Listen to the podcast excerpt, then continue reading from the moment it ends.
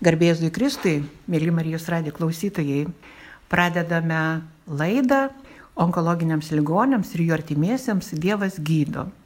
Šiandien Švento Pranciškos onkologijos centre kalbamės su mūsų broliu Pranciškonu Astijumi Kungiu. Sveiki. Ir aš esu su jumis Aldona Kirpitė, kuri jau veda ne pirmą šią laidą ir draugauju su jumis. Šiandien turime tokią temą, kuri aktuali yra visiems tikriausiai ligonėms, nes yra dažnai sakoma, kad lyga yra e, Dievo dovana arba bausmė. Esu girdėjusi net kalbant dvasininkus apie tai, kad sveikata yra dovana, bet lyga yra dar didesnė dovana, kadangi per ją priartėjame prie Dievo. Ar šitos mintis mums padeda gyventi, ar mes teisingai mastom, o gal mes blogai galvojam apie Dievą, kad Dievas mums tokias dovanas dovanoja? Nu, pirmiausiai, tai yra gera girdėti, kad žmonės pripažįsta bet kokį įvykį kaip Dievo dovaną. Čia jau iš tiesų yra labai, labai nuostabus dalykas ir šiandieną kažkaip nenorėčiau prieštarauti, bet vis dėlto man taip atrodo, kad Dievo dovana yra dėl mūsų gerovės. Ir Jėzus sako, aš atėjau, kad žmonės turėtų gyvenimą, kad apšėjo turėtų. Ir pirmiausia, jo ateimas yra dovana mums. Ir, ir žinot, jeigu tam tikrose aplinkybėse mes susitinkam Dievą, tai jo ateimas yra dovana mano gyvenimui. Ir jeigu tos aplinkybės yra, tarkim, nu iš tiesų kažkokios nelaimės, netiktis, kartais kažkokie tai karo veiksmai, dabar žiūrim Armenijoje, sprogdina, vyksta karas e, Kalnų Karabachė ir žmonės, tie, kurie neidavo į bažnyčias, į cerkvės, jie plūsta, jie pradeda melstis ir jie toje maldoje susitinka Dievu. Bet ar galime sakyti, kad karas yra Dievo dovana? Taigi tas ir yra e, keliamas klausimas. Dievo dovana tai yra kaip tik, kad mes turėtumėm savyje daugiau džiaugsmo, daugiau laisvės, daugiau meilės ir kad mūsų santykiai būtų kitokie. Tai kalbėti, kad lyga yra Dievo dovana, man atrodo, tai yra didžiausia nesąmonė, tai yra didelė klaida. Bet tas žmogus, kuris išgyveno lygą, kaip onkoligoniai, ir ne vieną liūdėjimą esu girdėjęs, ir tai yra žmogaus tiesa, jo patirtis, sako, aš iki lygos negalvoju apie save, negalvoju apie gyvenimą. Netgi santykis su artimaisiais kažkoks buvo kitoks. Bėgimas, kaž, kažko tai siekimas, kažkokio, kažkokios idėjos, noras nusipirkti, prasigyventi, kažką tai pasiekti, viskas gerai, bet lyga tarsi pukšt ir sustabdo tave. Ir vad, ne vienas žmogus yra pasakęs, jeigu ne lyga, aš nebūčiau pažinęs gyvojo Dievo. Bet tai gali tai pasakyti tik tai tas žmogus, kuris išgyveno lygą. Ir jis gali įvardinti, kad ta lyga man buvo dovana tik tai tame kontekste, kad aš sutikau Dievą. Ir aš kaip kunigas, aš niekada negaliu pasakyti, kad lyga Dievo dovana. Ir gerbiama direktorė, mėla Aldutė, jeigu taip žiūrėti net ir šventą raštą, mes matom, kad Je, Jėzus, aš kartais juokauju, kalbėdamas su žmonėm, Jėzus eina, tarkim, Lietuvos gatvėse ir mato, žmogus pasistatė namą, džiaugiasi gėlyčio aplinkui, neina į bažnyčią, sako, man Dievo nereikia, man ir taip gerai. A, šitau lyga kad, kad tau Dievo prireiktų. Arba vėl kažkas tai kuria savo gyvenimą, verslą ir taip toliau, man čia Dievo, aš pats viską galiu. Tegu tau troba sudega, ar verslas tegu griūna. Taip nėra, mes visur matom, kad Jėzus eina ir šventas raštas aiškiai sako, jis gydė visokias negalės. Ir jau nuo pat pirmų jo gyvenimo, viešojo gyvenimo dienų, matom Kafarnaume, prie Petro namų, žmonės suneša ligonius, visokią negalę turinčius, piktosios dvasios apsistuosius ir sako, ir Jėzus gydė, jos gydė. Taigi mes matom visai, visai kitą dalyką. Ir čia, kada žmogus vat, išgyvena tam tikrą netekti, arba iš, iš tiesų netektis tai irgi yra lyga. Aš netenku darbingumo, aš netenku tos sveikatos. Ir kada aš žinau kelią, aš ateinu pas Jėzų ir kad jis gydytų mane. Ir pirmiausiai gydo irgi ne vien tik tai mano kūną, taip, mes matom ir kūną, bet gydo ir širdį. Prisimenat va, tokį e, aprašymą apie tos keturis draugus, kurie atneša suparaližuotą vyrą. Jie pra, pradrasko tą namo o, stogą, įleidžia ir ką Jėzus pasako. Jėzus pirmiausiai pasako, tavo nuodėmės tavo atleistos. Ir čia tada jis tarsi provokuoja, kad mes pirmiausiai pažiūrėtumėm dar giliau. Galbūt tai ir yra, kad galimas dalykas, kad ir nuodėmė, kažkokia vidinė mūsų dvasios netvarka yra ir mūsų, ir mūsų sveikatos priežastis arba lygos priežastis. Todėl Ir po to tik tai Jėzus sako, kad žinotumėt, kad aš turiu galę atleisti nuodėmės, aš sakau paralyžiuotojim, kelkis ir vaikščiau. Ir toje srityje mes matome, kad žmogus išgirdęs nuodėmio atleidimą, jis paskui atsikelia ir vaikšto. Norėčiau pacituoti iš patarlių knygos ketvirtos skyriaus 23 eilutę saugok su visų stropumu savo širdį, nes iš jos teka gyvenimo versmė. Tai vad man kažkaip tai atsiriamant į šventą raštą, ta gyvenimo versmė plaukia iš širdies. Ir aišku, mes turime tiek daug tų visokių širdies lygų, bet vis dėlto čia kalbama apie širdį plačiają prasme saugok savo širdį, nes iš jos plaukia gyvenimo versmė. Ir kažkaip šiandien dar ryte eidamas į, į laidą, aš e, pagalvojau apie tą tokį praeities šantažą. Pavyzdžiui, daugelis žmonių, kaip tik šiandien kalbėjom su vienu sportininku, ir aš prisimenu tarybinius laikus. Daugelis vyresnių žmonių taip pat tos dalykus žino. Pavyzdžiui, sportininkai, kultūros veikėjai, mokslininkai, kurie tarybiniais laikais važiuodavo į užsienį, turėdavo pasirašyti bendradarbiavimą su KGB, kad ten nieko nekalbės ir grįžę taip pat irgi nieko nekalbės. Žodžiu, ir paskui vykdavo toks šantažas.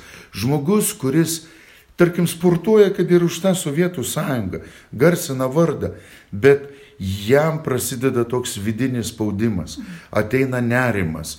Ar dar kitas dalykas, mano praeitie padarytos klaidos, nu kažkur sukliuvau, kažką ne taip. Ir paskui po kiek metų ateina kažkoks kaltinimas, priminimas, o tu buvai toks, o tu pasielgiai taip. Ir žmoguje, va širdyje kaupėsi ta įtampa, tas nerimas. Ir todėl, va patarlių knyga sako, iš širdies. Vat širdis ir yra tai, kuri teikia gyvenimo versmę ir kada mano širdis gyvena įtampu ir taip, ir kartais, juk mes pripažinkime, esame sakę, kad ta net ir onko lyga, nežinia iš kur ateina ir nežinia kartais kaip ji baigėsi. Taip, medicina, čia viskas tvarkoja, bet žinot, va ta įtampa. Ir aš manyčiau, kad va, ta patarlių knygos, ta ketvirtos skyriaus 23 eilutė mums parodo, kad gyvenimo versmė, jau Dievo išmintis sako, kad plaukia iš širdies. Taigi, aišku, čia ir viena sudėdamoji dalis, juk visokių somatinių problemų yra, tai čia, bet vis tiek, bet matot, kaip yra įdomu, širdis. Širdis ne vien raumo, ne vien voštuvai, ne vien visas tas procesas, kuris pumpuoja kraują ir teikia kūnui gyvybę, bet kartu tai yra širdis kaip mano visa būtis. Ir dvasinė sveikata, ir aplinkos sveikata. Todėl mes bažnyčioje, kaip įdomu, nu, vis dėlto mane sprogdina va, tie Jėzaus žodžiai, jis tik po prisikelimo per užrakintas duris ateina pas apaštalus, kokį pirmą žodį sako? Ramybė. Jėzus nesako, begėdžiai jūs buvo tris metus vaikščiojom, jūs visi mane palikot. Jėzus jokio priekaištų, nes žino, kad iš žmogaus širdies ateina gyvenimo versmė. Ir todėl jis sako, ramybė tau, taika tau, aš netėjau tavęs kaltinti, aš netėjau tavęs teisti, tik tai priimk tą ramybę. Tai vad matot, kažkaip tai Kai tu pradedi kelionę su Dievu ir žiūri į šventą raštą, į bažnyčios tradiciją, ir mes matom, kad tai yra labai svarbu. Net ir mišiuose, prieimant Kristų, visada mes, kunigas pasako, palinkėkite vieni kitiems ramybės. Nekaltinkite, atpalaiduokim, būkime taikoje. Ir čia, man atrodo, yra gydimo pradžia. Tikrai taip, nes pačioj pradžioj susirgę žmonės šitą tokią sunkia onkologinę lygą ieško kaltų, ieško aplinkos, kuri pakenkė sveikatai, ten kažkokie užterštumai, ieško kaltų žmonių, kurie ten nervus gadino. Labai dažnai visi galvoja, kad maistas juos visus ten e, sugadino sveikatą. Ir be galo daug žmonių dabar e, sureikšmina tą mytybą, mytybą kūno. Bet mažai kas pagalvoja apie tą dvasinę mytybą, kurią būna apleidę. Ir iš tiesų ieško kaltų aplinkoj, išoriai, bet labai yra sveika pažvelgti savo vidų ir pasižiūrėti, kas, kas manyje sužeista, kas yra apleista, kas skauda, iš tikrųjų ta širdis yra skaudanti. Ir aš kaip tik dabar skaičiau mūsų popiežiaus pranciškaus laišką, 23-osios e, pasaulinės ligonių dienos proga. Ir ten jis irgi rašo apie išmintingą širdį. Apie išmintingą širdį, kuri yra tarnaujanti, kuri yra mylinti, kuri yra suprantanti, kad e, iš tiesų reikia sugrįžti savo širdį ir pasižiūrėti, kas ten gyvena. Ir ieškoti dvasinių kelių į tą sveikatą. Aišku, visada yra dalis tiesos, nes žmonės šiaip savo kažkaip tai tušių dalykų nepasakytų. Ir aplinka turi savo poveikį, ir ta mytyba turi savo, savo poveikį. Viskas, viskas susideda. Bet matot, dvasia turi galę. Dvasia, kuri iš tiesų daug ką perkeičia manyje. Ir vien tik tai negatyvi aplinka arba negatyvos emocijos, taip, jos turi poveikį. Bet ne psalmė sako, sako, nors iš kairės tūkstančiai būtų, aš nebijosiu, o iš dešinės tūkstančių tūkstančiai aš nedrebėsiu, nes tu draugė būsi. Matot, kodėl nebijosiu aplinkos, kodėl nedrebėsiu? Todėl, kad tu draugė būsi. Nu vėl sugrįžti tos paprastus dalykus būti drauge, būti su, su kurėju, su Dievu, kuris mane stiprina. Kaip sekmadienį net ir žiūrėjau, vaikai per mišes žai, žaidžia, mažiukai tokie tėveliai dalyvauja mišiuose ir tie vaikai turi savo gyvenimą, bet tik tai, o tėti, mama pasitrauktų, jie toj praranda kažkokią saugą, saugumą. Ir jie daug ko nesupranta ir įsigasta. Ir kai tėti mama sugrįžta, jie apsikabina, ateina ramybė. Bažnyčiai taip pat, juk kiek kartų, minimum keturis kartus per mišes, kunigas liturgijai primena, viešpat su jumis. Būkite ramus. Jeigu išoriai, taip juk mes nesam garantuoti, bus karas, nebus karas nežinau, kažkokia naftos bazė sproks, kažkokios dujos išeis, aplinka. Taip, bet vis dėlto mano širdies ramybė priklauso nuo to, su kuo aš esu. Ir pirmiausiai, ar aš gyvenu su Dievu, su viešpačiu. Ir tas gyvenimas su viešpačiu man duoda pasitikėjimo, man suteikia vilties ir man būtent įveda į tą vadinamą saugumo, saugumo zoną. Ir kada aš esu saugus, iš tikrųjų aš esu ramus. Ir tada nuo čia prasideda visi kiti dalykai. Kodėl sako, pavyzdžiui, rekolekcijas mes katalikai. Anglai naudoja rekolekcijas rekollerė, tarsi susirinkti reikia. Angliškai sako retreat, atsitraukti, kaip kariuomenė, mato, gauna į skudurus, tada sako atsitraukim, persugrupokim. Reiškia, tos rekolekcijos arba tas retreat atsitraukimas, kam? Kad blaiviai į, į, įvertinti situaciją, ramiai įvertinti situaciją. Tai va todėl kartais, nenoriu sakyti, ta lyga, ji vis dėlto kažkaip tai atitraukia mus nuo to, nuo to gyvenimo. Nori, nenori, tave išima, ar tave paguldo į ligoninę, ar tu jau prarandi laikinai darbą lygos metu. Tu tarsi atsitrauki. Ir yra erdvė, aplinka save įvertinti. Ir norisi, kad toje aplinkoje, bet kaip jūs, ponė Aldutė, sakot, kad nebūtų, žinai, žmonės kartais kaltina, jie įvertina į tas blogai, į tas blogai, į tas blogai. Čia kaip centrafuga. Įsisuka, įsisuka, įsitaškom, įsitaškom. No, susirinkti, nurimti. Nurimti ir vat kažkaip tarsi užlaikyti, kartais reikia užlaikyti kvėpavimą. Atkreipkim dėmesį, Net kūnas Dievo taip yra sukurtas. Atsitinka, važiuoju su mašina, kažkas išbėga į kelią. Kas atsitinka su organizmu? Aš net užlaikau kvepavimą, sako, aš sustingstu. Pats kūnas sustoja. Taigi sustoja, kad po to padaryti teisingą žingsnį. Tai vad ir tas įvertinimas galbūt po visokių ten kaltinimų, tų įtampų mes turime aiškiai suprasti ir bet kokia lyga sergantis, o ypatingai onkologiniam lygom, sustoti, ieškoti ramybės. Ir Jėzus sako, aš duodu ramybę, ne taip, kaip jie duoda pasaulis. Taip, mes galime atrasti mytybą tam tikrą.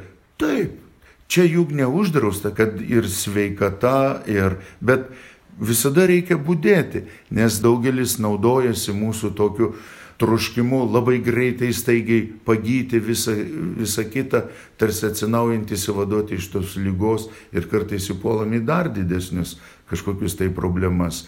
Pradedam pasitikėti vien tik tai maistu, vien tik tai žolelėmis. Vėl sakau, tai nėra blogai, bet pradėti visada reikia nuo vidaus. Ir kaip gražu, kad čia onkologijos centre nemažai žmonių, kurie pradeda eiti va tą gydimo kelią Pirmiausia, juk čia eina ir kaip įdomu, kartai žmonės sako, ar čia ligoninė? Vaitonko centras, ar čia ligoninė? Ir vat, aš sakyčiau, jūs kaip tik ir duodat atsakymą. Ne, čia ne ligoninė. Bet iš tiesų tai ir yra ligoninė, supras kaip žmogaus sveikimo aplinka. Visas centras. Ir čia sveikimo aplinka nauji socialiniai ryšiai, atsiranda nauji draugai, tie, kurie pagyjo, tie, kurie eina to gydimo keliu. Ir psichologai, mankšta, pasako, kokias arbatas gerti, žmonės dalinasi informacija, psichologas, kunigas, galiausiai žmogus ateina atlieka išpažinti. Ir vat viskas čia tame centre, aš pasakyčiau, tai ir yra tikroji sveikatinimo vieta. Žmogui suteikti aplinką ir kiek matau šitas centras, kodėl žmonės sako, ar čia ligoninė, nes jie mato liūdėjimus, kad čia žmonės pasveiksta, čia žmonės atsigauna, čia jie galvoja, čia gydymo įstaiga. Taip, čia gydymo įstaiga, bet ne vien tik tai somatiškai. Ir kaip gerai, kad centras bendradarbiauja su onkoligoninė, su, su medikais, kurie iš, iš tiesų turi didelį pasitikėjimą jumis ir siunčia žmonės, rekomenduoja ateiti. Kas ateina, aš kiek esu girdėjęs, tikrai žmonės džiaugiasi, kad iš gydytojo ateina čia ir tada yra sveikimo kelias. Kaip minėjau, sveikimo kelias ir per visokias arbatas, per mankštas, per e, darbščiųjų rankų burelius, per švento rašto skaitimą, per pokalbius vieni su kitais, su, su atsakingais darbuotojais, socialiniais darbuotojais ir su kunigu. Tai vad, visas kompleksas yra duotas čia. Todėl ir kaip minėjau, kad tas pasveikimas vis dėlto eina iš širdies gyvybės versmė. O širdis tai yra viskas. Aplinka ir maistas ir mūsų santykiai ir svarbiausiai Dievo malonė. Aš prisiminiau dabar, kaip gražiai mums per lekcijo diviną pasakojai, kad e, ką padarė Dievas pirmiausia, kai kūrė pasaulį, kad atskyrė tamsą nuo šviesos. Tai manau, kad čia tas ir vyksta pas mus, kad pirmiausiai žmogui reikia išėti iš tamsos ir ieškoti tos Dievo šviesos, kad galėtų toje šviesoje matyti savo gyvenimą ir kelią, kurio eina, kad jis turėtų tą teisingą pasirinkimą.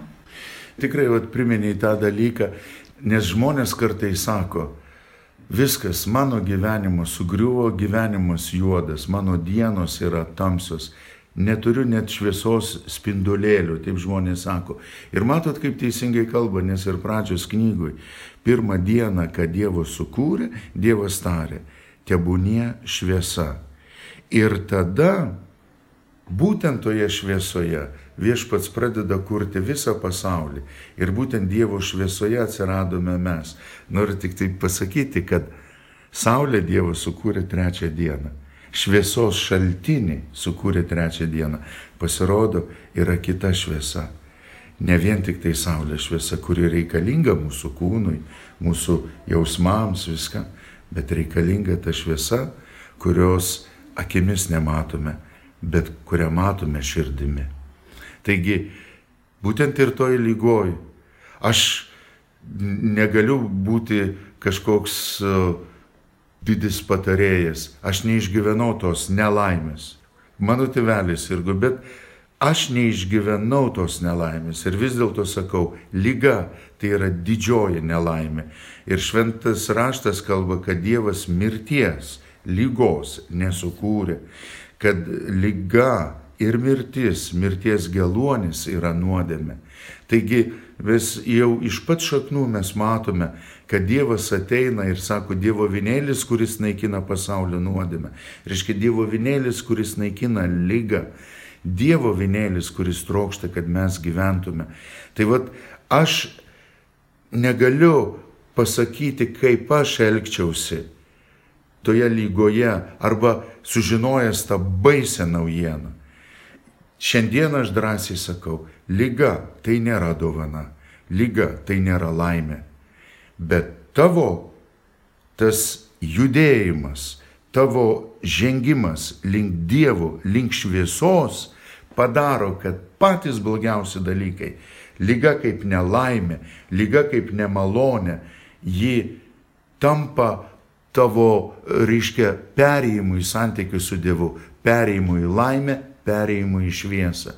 Ir aš netgi apaštalo Pauliaus pirmąjį laišką tesalonikiečiams, norėčiau tarsi kaip linkėjimą pasakyti mūsų radijo klausytojams. Pirmas tesalonikiečiams, penktas skyrius, 23 eilutė. Čia ir vadinasi linkėjimai. Pats ramybės Dievas jūs tobulai te pašventina ir te išlaiko sveiką bei nepeiktina jūsų dvasę, sielą ir kūną mūsų viešpaties Jėzaus ateimui Taigi, ramybės Dievas, ne koks karo Dievas, ne pergalių Dievas, ramybės Dievas, te pašventinate išlaiko sveiką bei nepeiktina jūsų dvasę, sielą ir kūną. Matot, sveikata, dvasia, siela ir kūnas. Kad mes išlaikytumėm visą tai jo ateimo dienai. Nu kaip gražu. Tikrai. Viltis tikrai yra Dievo dovana. Va čia viltis Dievo dovana, tai sutinku, bet jokių būdų neliga, neliga. Nes, nu, nebe nesinori sugrįžti, bet vis dėlto, sakau, tik tai tas žmogus, kuris išgyveno baisę tamsą, juodžiausias dienas savo gyvenime ir kuris išlipo į Dievo šviesą, jam leidžiama pasakyti, kad man asmeniškai lyga buvo kaip dovana. Tik tai jis gali. Bet teikti objektyviai, kad lyga yra dovana, tai yra didžiausia nesąmonė, tai tikrai yra antikrikščioniška mintis. Todėl linkiu, kad mes aiškiai suprastume, kad iš širdies plaukia gyvybės versmė, kad paštalas Paulius sako, kad kūnas, siela ir dvasia turime išlaikyti sveikatą ir kad Jėzus sako, aš atėjau, kad žmonės turėtų gyvenimą ir apšiai jo turėtų. Todėl tikrai linkiu, kad mes gyventume, apščiai gyventume, kaip šitame centre, vat, einant mes matom, žmonės daro mankštą, ne šypsosi, džiaugiasi ir galvoju kartais, tai gal aš čia tas ligonis, pasižiūriu į juos. Tai iš, iš tiesų, kaip įvyksta perversmas ir ačiū Dievui tikrai už tokias vietas, gyjimo vietas arba ėjimo į tą Dievo šviesą, iš tamsos į šviesą, iš lygos į sveiką gyvenimą su Dievu ir su artimu. Tai šitais palinkėjimais ir baigsime šios dienos laidą. Dėkuoju broliui Astijui už tikrai labai prasmingą pokalbį. Linkime visiems ramybės ir tos Dievo šviesos. Su Dievu iki kito karto. Garbė Jėzui Kristui. Amen.